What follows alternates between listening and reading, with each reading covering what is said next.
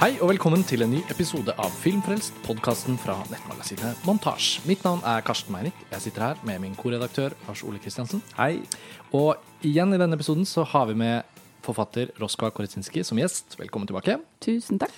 Nå hadde vi jo en uh, forrige episode av Filmfrelst, da var du også med, og vi snakket om markedets lov. Og nå skal vi lage en episode om en eh, litt sånn eksperimentelt, uh, fantastisk ny film som ingen av oss har visst om at skulle komme nemlig Beyoncés visual album, eller uh, hva skal vi kalle den? En timeslang uh, film som hun har laget, som heter Lemonade.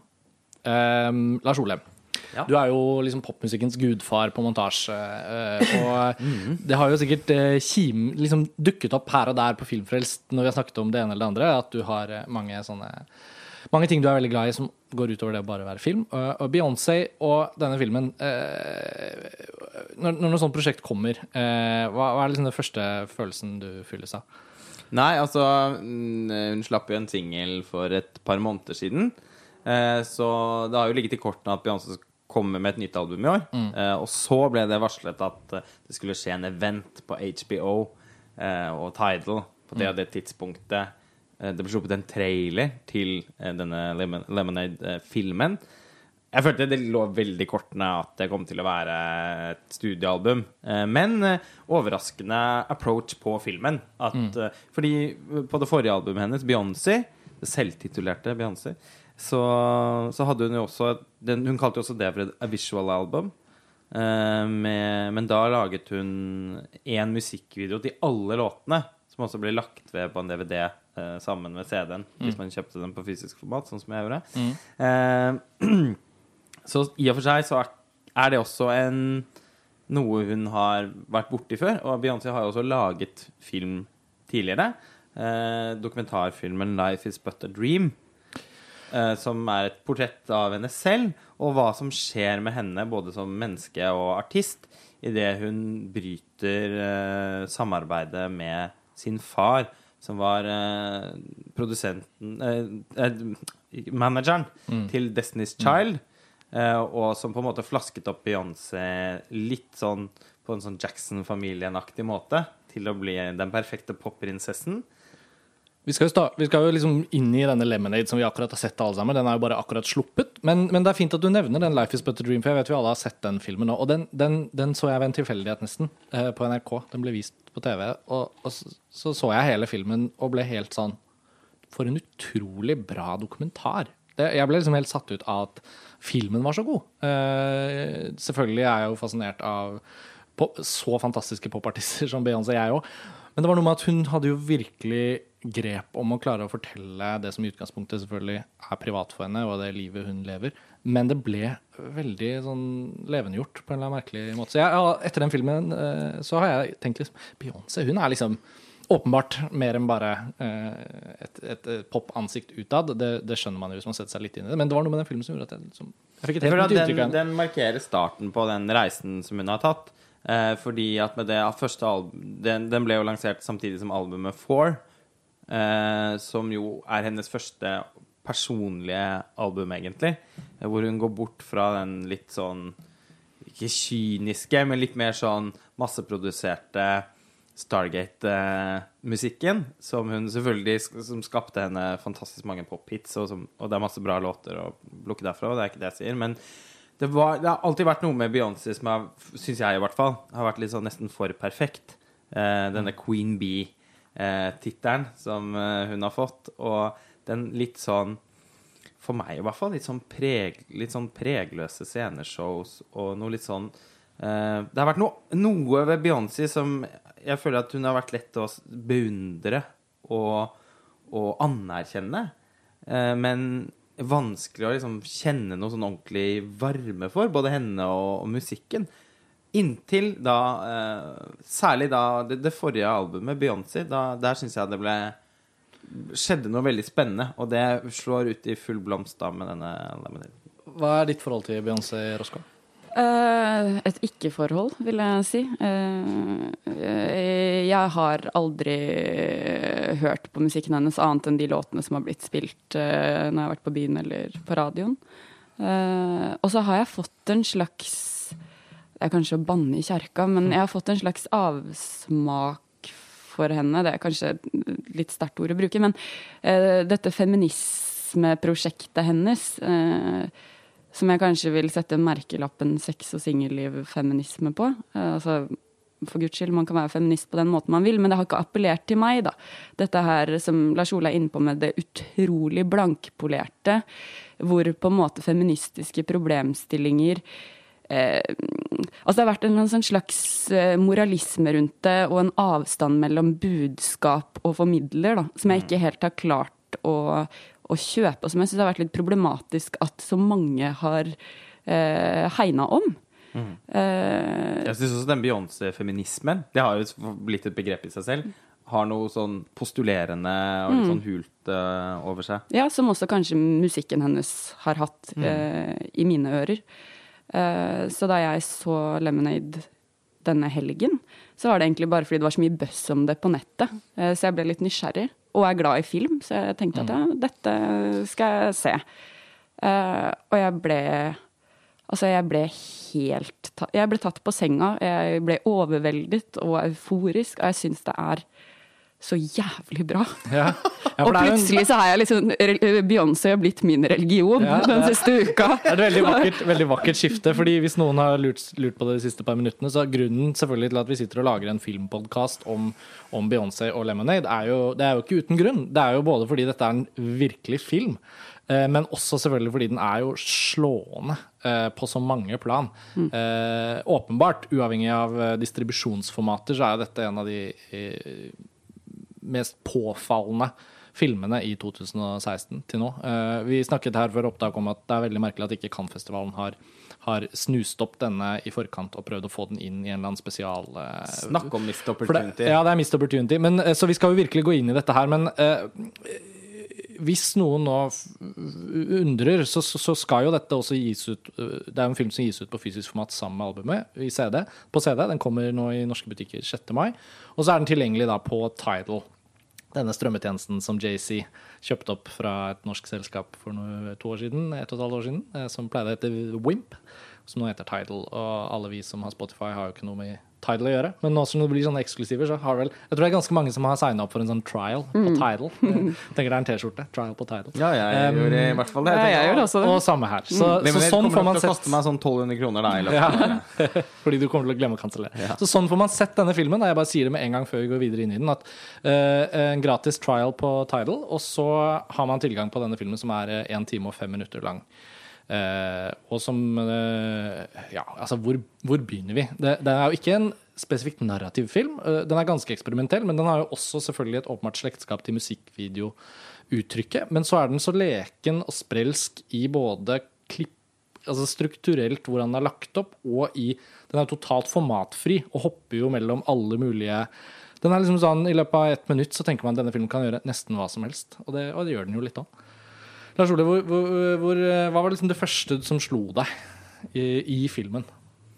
Jeg ble veldig øh, fanget egentlig med en gang. Jeg hadde selvfølgelig fått med meg altså, at denne filmen skulle komme. Men jeg har hatt så mye å gjøre i det siste.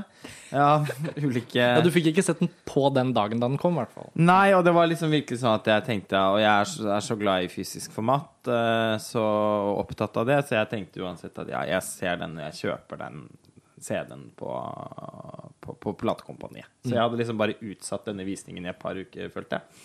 Og så, og så får jeg en, en SMS fra Roskva som sier at du må se Beyoncé. Og, Og og det var en av de personene som jeg minst hadde forventet å få en melding om Beyoncé. Altså en SMS om at jeg skulle oppsøke noe Beyoncé-relatert. For vi har, vi har diskutert Beyoncé en del ganger tidligere. Og, med noenlunde samme oppfatninger. Eh, og, jeg ble veldig altså, Jeg ante ikke hva jeg skulle tro, for jeg tenkte betyr dette at, at hun har lagd at hun har lagd noe veldig latterlig? Og at det er noe jeg må se, sånn som vi skal kunne diskutere Sånn at vi kan kunne bryte det resten latterliggjøre det Ja. resten av Vi skulle møtes eh, og drikke noe vin etterpå. Og eh, Men så Så var det bare en to totalt motsatt opplevelse, da. Fordi Og du hadde ikke gitt meg noe inntrykk av hva du syntes om det. Det var bare at du må se det. Og så satt jeg med det. Veldig rent. Tok, på headphones. Eh, sign, opprettet Tidal prøveabonnement. trykket på play, og så var det bare en sånn Det var helt umulig å liksom på en måte stoppe. Stoppe. For det, man, det var så Ja. Og så fikk jeg SMS. Og så fikk du en SMS. Så er sånn Ja. Jungeltelegrafen. Skikkelig ordentlig. Og jeg regner med at mange av lytterne våre har snust på dette selvfølgelig allerede. Jeg, jeg, re- jeg regner med at ikke vi nødvendigvis er hovedformidlerne av at Lemonade er noe å sjekke ut, men det er gøy å snakke om uansett. Og jeg hadde jo da på en måte på lista eh, hjemme hos meg eh, Lemonade skal ses, men jeg hadde jo notert meg det samme som deg, at den kom på fysisk format. Men så, ja, så insisterte du jo. Bare, bare se den med en gang. Ja, Eh, en av årets største kunstopplevelser. Ja, Ikke lag noe mer bare se den. så trial title, og, og så strømme albumet Straight Up Lemonade, som du skrev på ja, SMS. Måtte det. Og, og, og jeg fikk den opp på lerretet og hjemme, og det ble helt utrolig. Um, ok, men det var mye om formater og, og veien dit. Lemonade slår meg jo som Det er kanskje en liten eh, hva skal man si, en liten floskel, men det er jo en veldig personlig film. Eh, en film som tar utgangspunkt i eh, selvfølgelig den samme personlige opplevelsen som er utgangspunkt for albumet. Album og film føles jo definitivt tvinnet inn i hverandre, og som en del av det samme. Men, men også i det visuelle, altså også i bildebruken, så føler jeg at hun, hun tar en sånn tydelig personlig vinkling som som gjør at jeg ble sånn grepet egentlig veldig tidlig. Da.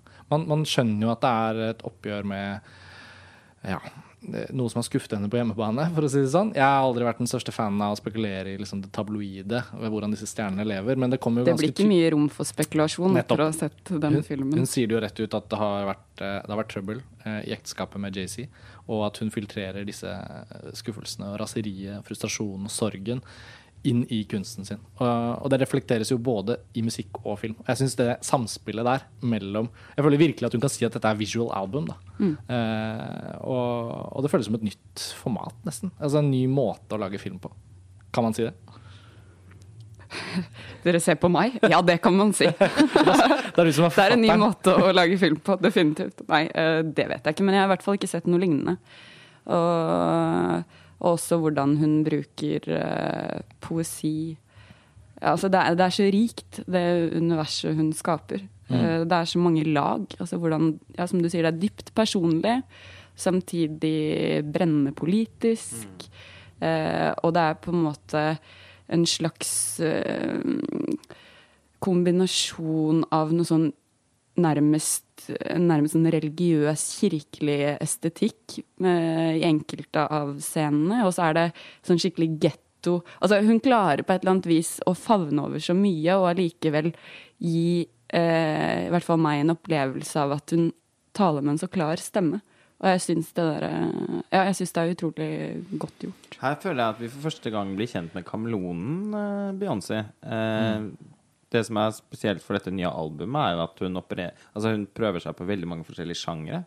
Så Hiphop, country Og en sånn Dolly Parton-låt Ja. som er eh, kjempekul. Og Ja, det fungerer utrolig bra. Det minnet meg veldig om den euforien over å spille det albumet til Avicii, True, for noen Ja. år siden. Så var det sånn Hva er det? Eklektisk på den samme Ja, måten. Det er samme en måten. veldig god sammenligning. Eh, og det albumet holder seg fortsatt veldig godt. Jeg har aldri ja. hørt på Avicii verken før eller siden. jeg. Det er det eneste av han jeg hører på. Men eh, det albumet synes jeg det gjorde skikkelig inntrykk. Og når en kunstner først viser evnen til å hoppe mellom sjangere, Totalt undervurdert album. men bevare sin stemme, som du er inne på, Roska, det, det gjør veldig inntrykk. Og, um, og, og filmen bærer også preg av at hun har hatt noen samarbeidspartnere som har forstått prosjektet hennes veldig godt. Eh, vi ser på rulleteksten at er, filmen er regissert av Beyoncé selv, sammen med en som heter Khalil Joseph.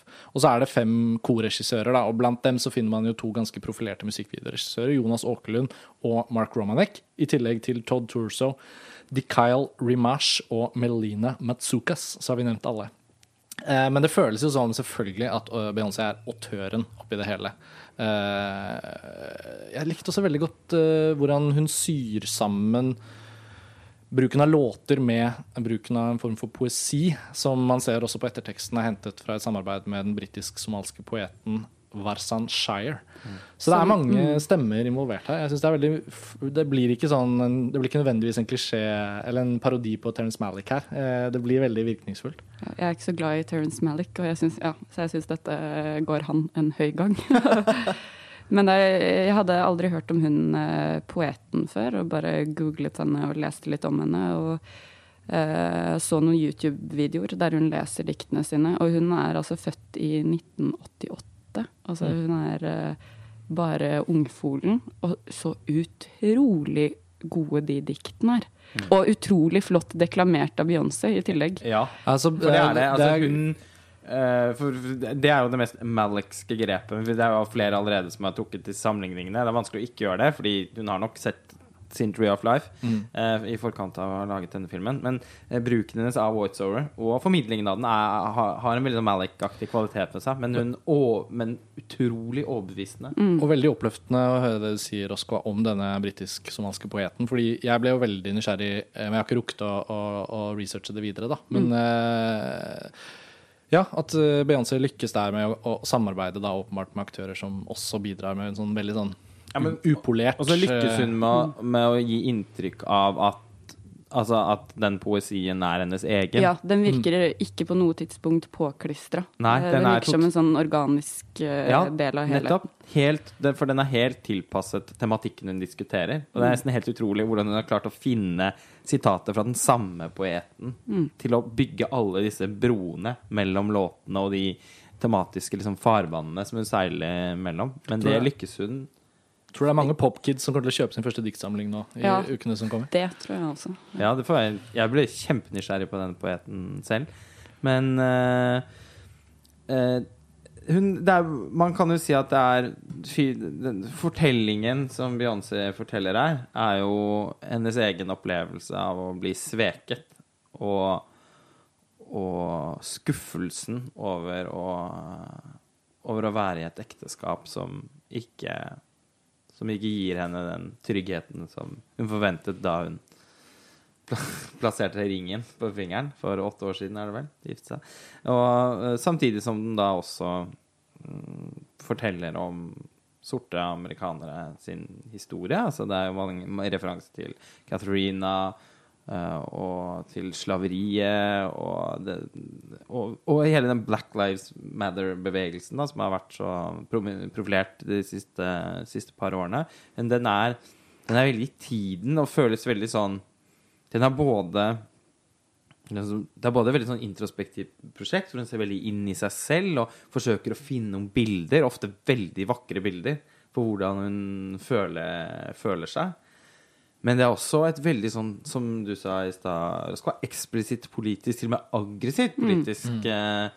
eh, den min, Jeg kommer jo også til å tenke på Chirac til Spike Lee ved et par Absolutt. anledninger. Det gjorde jeg også. Og, og hun trekker jo inn Malcolm X her på et tidspunkt Mm. i filmen. Eh, Jeg vet ikke om det også er vevd inn på albumet, men det er et eh, lydspor av eh, et kjent sitat fra Malcolm X som, eh, som lyder sånn The most disrespected person in America is the black woman. The most unprotected person in America is the black woman. The most neglected person in America is the black woman. Altså det er jo selvfølgelig uttalt politisk fra Malcolm X sin side, men, men også en form for påminnelse om at eh, det har gått mange år siden han kom med det sitatet, og det har ikke nødvendigvis blitt noe bedre. Og da bruken av klipp av forskjellige ansikter, forskjellige personligheter.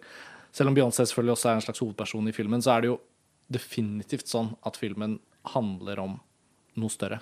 Eh, Den er personlig, ja, men den er ikke et eh, slags heltebilde eller en slags en slags hyllest til Beyoncé selv som popartist. Liksom. Den er, det, det, det, tror jeg det er også noe av grunnen til at filmen gjør så voldsomt inntrykk, og at den ikke føles som en sånn montasje av syv ti Ja, musikkvideoer satt i Og at hun for første gang føler jeg våger å spille noen roller. Være et ansikt for noe, istedenfor å bare være seg selv. Eh, og jeg, jeg syns også rett og slett at hun lykkes veldig godt som eh, Ja, det, er, det blir mer naturlig å snakke om henne som en formidler, fordi at hun Ja, hun hun må jo, altså hun både Hun er jo der både som artist og Men, også som, men jeg syns faktisk også at hun, lyk, altså at hun er en god sku, overbevisende skuespiller i denne filmen. Jeg synes at hun klarer med kroppsspråket og ansiktet sitt å formidle eh, låtene, da. Mm. På, en, på en måte som går utover det man ser i vanlige musikkvideoer. Ja, og så er det dette med Hvis man skal snakke litt om feminisme, som har vært en fane hun har holdt ganske høyt i flere år, altså på sceneshowene sine og, og alt mulig, så er det et eller annet som skjer her i denne filmen som jeg opplever at ikke har skjedd tidligere. Og det, er, det oppstår nettopp i dette krysningsfeltet mellom noe sånn eh, Jeg vil ikke engang kalle det personlig, men noe sånn eksistensielt alvor i møte med eh, en politisk virkelighet. Og det er de der sprangene hun hele tiden tar fra på en måte det ytre til det indre livet og tilbake igjen. Eh, som gir det en helt annen form for troverdighet.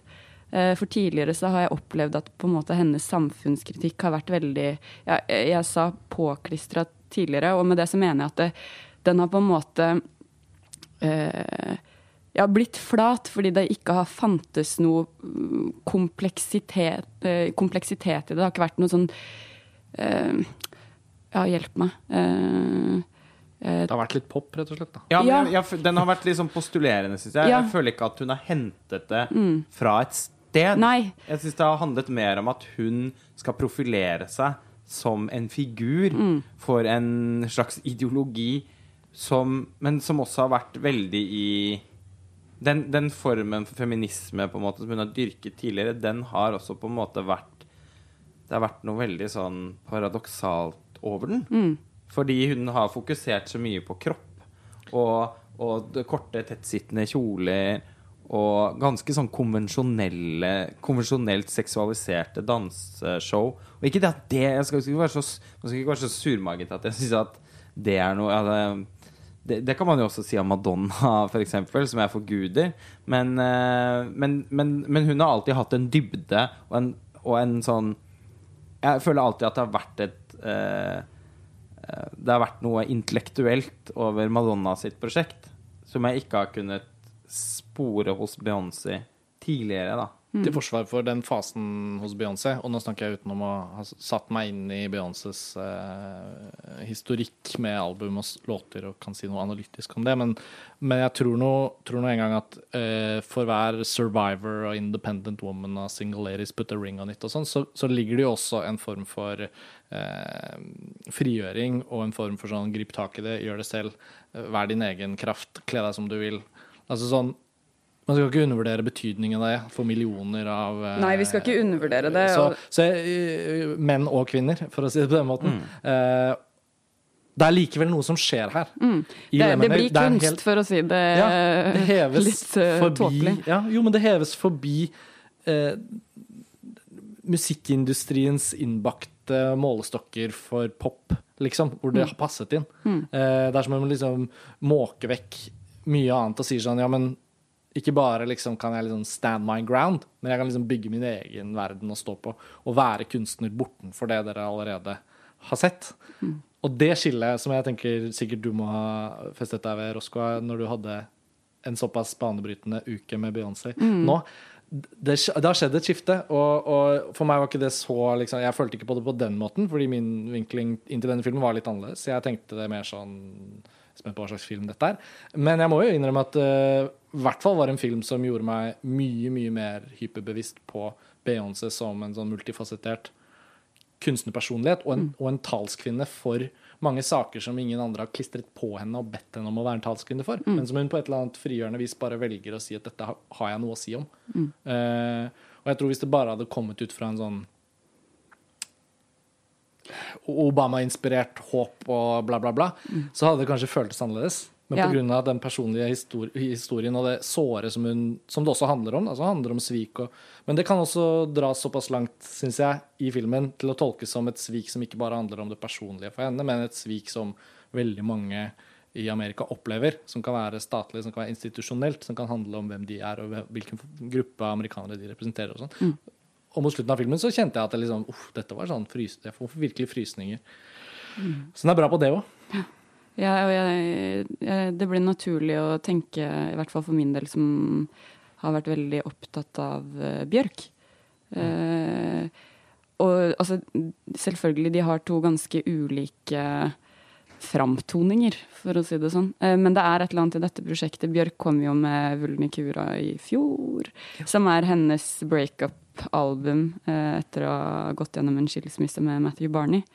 Eh, og de to prosjektene og den progresjonen i historiefortellingen altså fra på en måte, ja, Hos Beyoncé er det veldig eksplisitt. Hun deler inn filmen i på en måte de fem sorgstadiene. Altså eh, fornektelse, sinne, disse tingene her. Forsoning.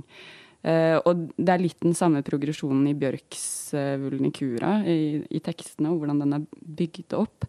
Men også da eh, poesien til denne Warson Shire, eh, som har noe sånn veldig bjørksk ved seg. Ved at det er brennende politisk, men samtidig sånn helt konkret fundert i en kroppslig erfaring. Mm. Som jo er et av Bjørk sine Gjennomgangsmotiver. Eh, ja. Også, ja. Særlig eh, på Vespertine mm. og egentlig Vulnicura. Ja, egentlig eh. stort sett gjennom alle albumene, kanskje bortsett fra Biofilia. Altså Biofilia, jo det handler jo for så vidt om det òg, men ja, vi skal ja. ikke gå inn i debatten Nei, om det. Men, altså, men kanskje jeg føler at høydepunktet hennes for uh, utforskningen mm. av det er uh, Vespertine, i hvert fall. Mm. Men, uh, men ja, det er interessant at du nevner Bjørk og, og Vulnicura. Uh, som jo er et, som jeg syns er et helt fantastisk album. Men uh, jeg var jo ikke så begeistret for Biofilia, som hun lagde før det. Men altså, man kan jo egentlig si at dette prosjektet Beyoncé er litt sånn, litt sånn Vulnikura møter Biofilia. Fordi Biofilia var jo et multimediaprosjekt mm. hvor hun var veldig opptatt av at uh, Der var det også sånn at alle låtene hadde videoer og egne da... Altså sånn det var veldig komplisert. Du må laste ned en egen app for hver sang som gjorde at du kunne utforske Jeg synes det var en gans, totalt sett egentlig veldig uinteressant. Men uh, Et eksperiment. Ja. Men her har altså også Beyoncé ikke laget et breakup-album, men et uh, Hva skal man kalle det? Nei, hva skal man kalle det? Det er jo Altså, jeg tror man kan oppleve den filmen på to måter. Altså, det ender jo med forsoning, ikke sant? Mm. Og, uh, og, en slags tro på kjærligheten. Uh, men det er jo noe utrolig nitrist ved det òg, spør du meg. Altså, mulig jeg er en pessimist når det kommer til disse temaene, men, men, man føler ikke at det siste er sagt når den uh, filmen er over. Nei, det uh, fikk ikke jeg følelsen av heller. Man opplever det som en, uh, en nødvendighet for henne i hennes liv å forholde seg sånn til mm. situasjonen, mer enn at det, at det blir den klassiske happy endingen. Men hun gir jo ikke JC bare en forsoning. altså Hun redder jo sannsynligvis Tidal eh, også. Ja, eh, det er jo også et prosjektet. aspekt. Altså. jeg, må, jeg, må, si jeg, Det syns jeg er fascinerende å tenke på den uh, musikkvideoen til Destiny's Child hvor de krabber bortover stranden og synger 'Survivor', og så hoppe til at uh, Beyoncé og Bjørk sammenlignes med den største naturlighet. Mm. Det er jo uh, Ja, og bare for å få utdype den sammenligninga, for det glapp litt uh, Det jeg egentlig mener, er at Bjørk er jo en av de få popartistene som i en, men på en radikal måte i hvert fall har forsøkt å utforske hva uh, hvordan eh, musikk og visualitet eh, er to sider av samme sak. og, og har forsøkt å da også lage en på en måte album med biofile, en mm. albumopplevelse som virkelig liksom skal være noe mer enn bare lyttingen i seg selv. men Og Beyoncé lykkes lykkes jo virkelig med det i Lemonade. Og det, gjør, det er det som gjør at jeg føler at dette er litt nyskapende. Altså, jeg har i hvert fall ikke sett noe tilsvarende tidligere hvor jeg føler at musikk, altså musikken og, og, og en, settes i en visuell inn i et visuelt rammeverk, eller egentlig liksom visuelt univers, som utdyper musikken. Som ikke bare illustrerer den. For det er jo gjerne det de, i hvert fall de de vanlige musikk... Altså sånn de, Musikkvideo på det jevne gjør jo ikke stort annet som, som regel enn å bare komme med en illustrasjon. Mm. Mens eh, Bygge image. Ja, mens her, gjennom bruken av motiver og måten hun iscenesetter seg selv på, så, og, og, og siterer denne poesien på, så, så utdyper hun musikken. Altså får en helt, det får en annen klangbunn enn den ville fått for meg hvis jeg bare hadde hørt på den. Mm. Så jeg syns jo det var så utrolig vellykka eh, måte å få pres bli presentert for det albumet på, da. Som jeg nå også eh, gleder meg til å høre veldig mye på. Mm. Det er det eneste jeg har hørt på denne uka. ja. Nå må jeg Nå er det, er det, nå jeg kan begynne å høre på noe annet enn Super Pet Shop Boys. Det er mulig. en reddende engel, Beyoncé, for deg før mai kommer og Cannes-festivalen alle de anledningene til å sitte og høre på popmusikk mens man skriver. Ja. Lemonade uh, har først og fremst vært denne filmen for meg til nå, uh, og jeg gleder meg til å høre på albumet. 30 dager trial på uh, Tidal, så får vi se hvor lenge det varer. fysisk format er rett rundt hjørnet. Jeg følte det var veldig viktig å få snakket om denne filmen uh, på Filmfrelst. Og kanskje, kanskje vil den dukke opp igjen når det skal lages lister på slutten av året. Den er i hvert fall skyhøyt allerede. Er, er ikke dette litt et av årets beste filmer, da? Jo. Jo, altså jeg syns ikke vi skal spare på superlativene. Ja, dette er en helt spesiell film. Den er god uh, på veldig mange plan. Uh, den har såpass mye skal man si, narrative følelser som gjør at den ikke er noe sånn Den er ikke noe sånn en kunstvideo man bare skal liksom mm, se på i galleri. Altså den jeg vet ikke hva den høres ut som når vi snakker om den, for de som ikke har sett den ennå. Men den er jo liksom, den er en skikkelig sånn knyttneve på en myk, deilig, vakker, emosjonelt gripende måte. Den, den, den spenner over veldig Hvis mange vi har på en måte glemt å understreke det, så er Ja. den jo veldig fet òg. Ja, ja, ja. Noen, Sinnssykt kul. ja. Og den, bytter, altså den er jo skutt er på no- noen sykt mange forskjellige formater av mange forskjellige fotografer. Og den glir likevel sømløst mellom alle de forskjellige tingene. og noen av de med på en måte litt sånn tradisjonelt anlagte musikkvideopartiene her Mm. Er jo enormt kule. Og låtene er fantastiske. Altså, altså, og Og den hopper, så, den hopper så sømløst og elegant og litt sånn effortless, som det heter Mm. på engelsk, mellom overtydelighet og subtilitet. Jeg syns jo den, den, den, den tåler å klippe til et bilde av to kvinner på stranden i vannkanten som holder i hvert sitt store, tykke tau og trekker i det. Kanskje et sånn overtydelig symbol, whatever. Det er jo et eller annet. Men siden det brukes elegant, det brukes så kort. Og så er det mye, bilde, mye bildebruk her som, som jeg syns er sånn mystisk, nesten u, uforløst på den spennende måten. Sånne små snippets eh, som krydres inn. Og, og jeg liker veldig godt også hvordan filmen ikke føles episodisk på den feil måten. Den er inndelt, som du sier, Oskva, i disse forskjellige eh, følelsene. Men, eh, eller stadiene. Men, eh, men jeg syns filmen har en utro... Sånn, sånn rent sånn klippefaglig, teknisk, som jeg av og til må trekke inn. Jeg bare ble så imponert over hvor elegant og musikalsk den var sydd sammen uten å se ut som musikkvideoer i rekkefølge. Så dette er, ja, hvis det var noen tvil, Lemonade-filmen, varmt anbefalt. Eh, potensiell listekandidat på slutten av året. Jeg tror i hvert fall den ikke kommer til å bli møtt av sin make i løpet av dette filmåret. Hvis ikke Terence Malick dukker opp med et eller annet Voyage of utrolig. Time. Voyage of Time. Men uh, uh, ja. De, vi, vi befinner oss uansett også i et år da hvor både Beyoncé og Rihanna har levert sine beste, mest modne, utforskende eh, album. Virkelig verdt å, de to største kvinnelige artistene i vår tid. Verdt, å, verdt å glede seg over. Mm. De overgår selvfølgelig ikke Pet Shop Boys Super, men det Nei, blir en annen samtale for deg. Roska, dette var uh, veldig stas å ha deg som gjest. Eh, Veldig Velkommen tilbake ved neste gode anledning. Ehm, vi avslutter denne episoden med et uh, veldig kort klipp fra Lemonade. Takk for nå, og ha det bra. Ha det. Ha det. The past and the present merge to meet us here.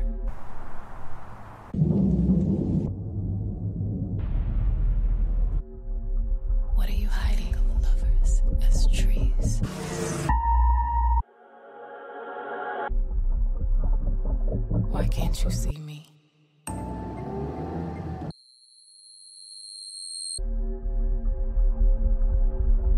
Love of my you're the love of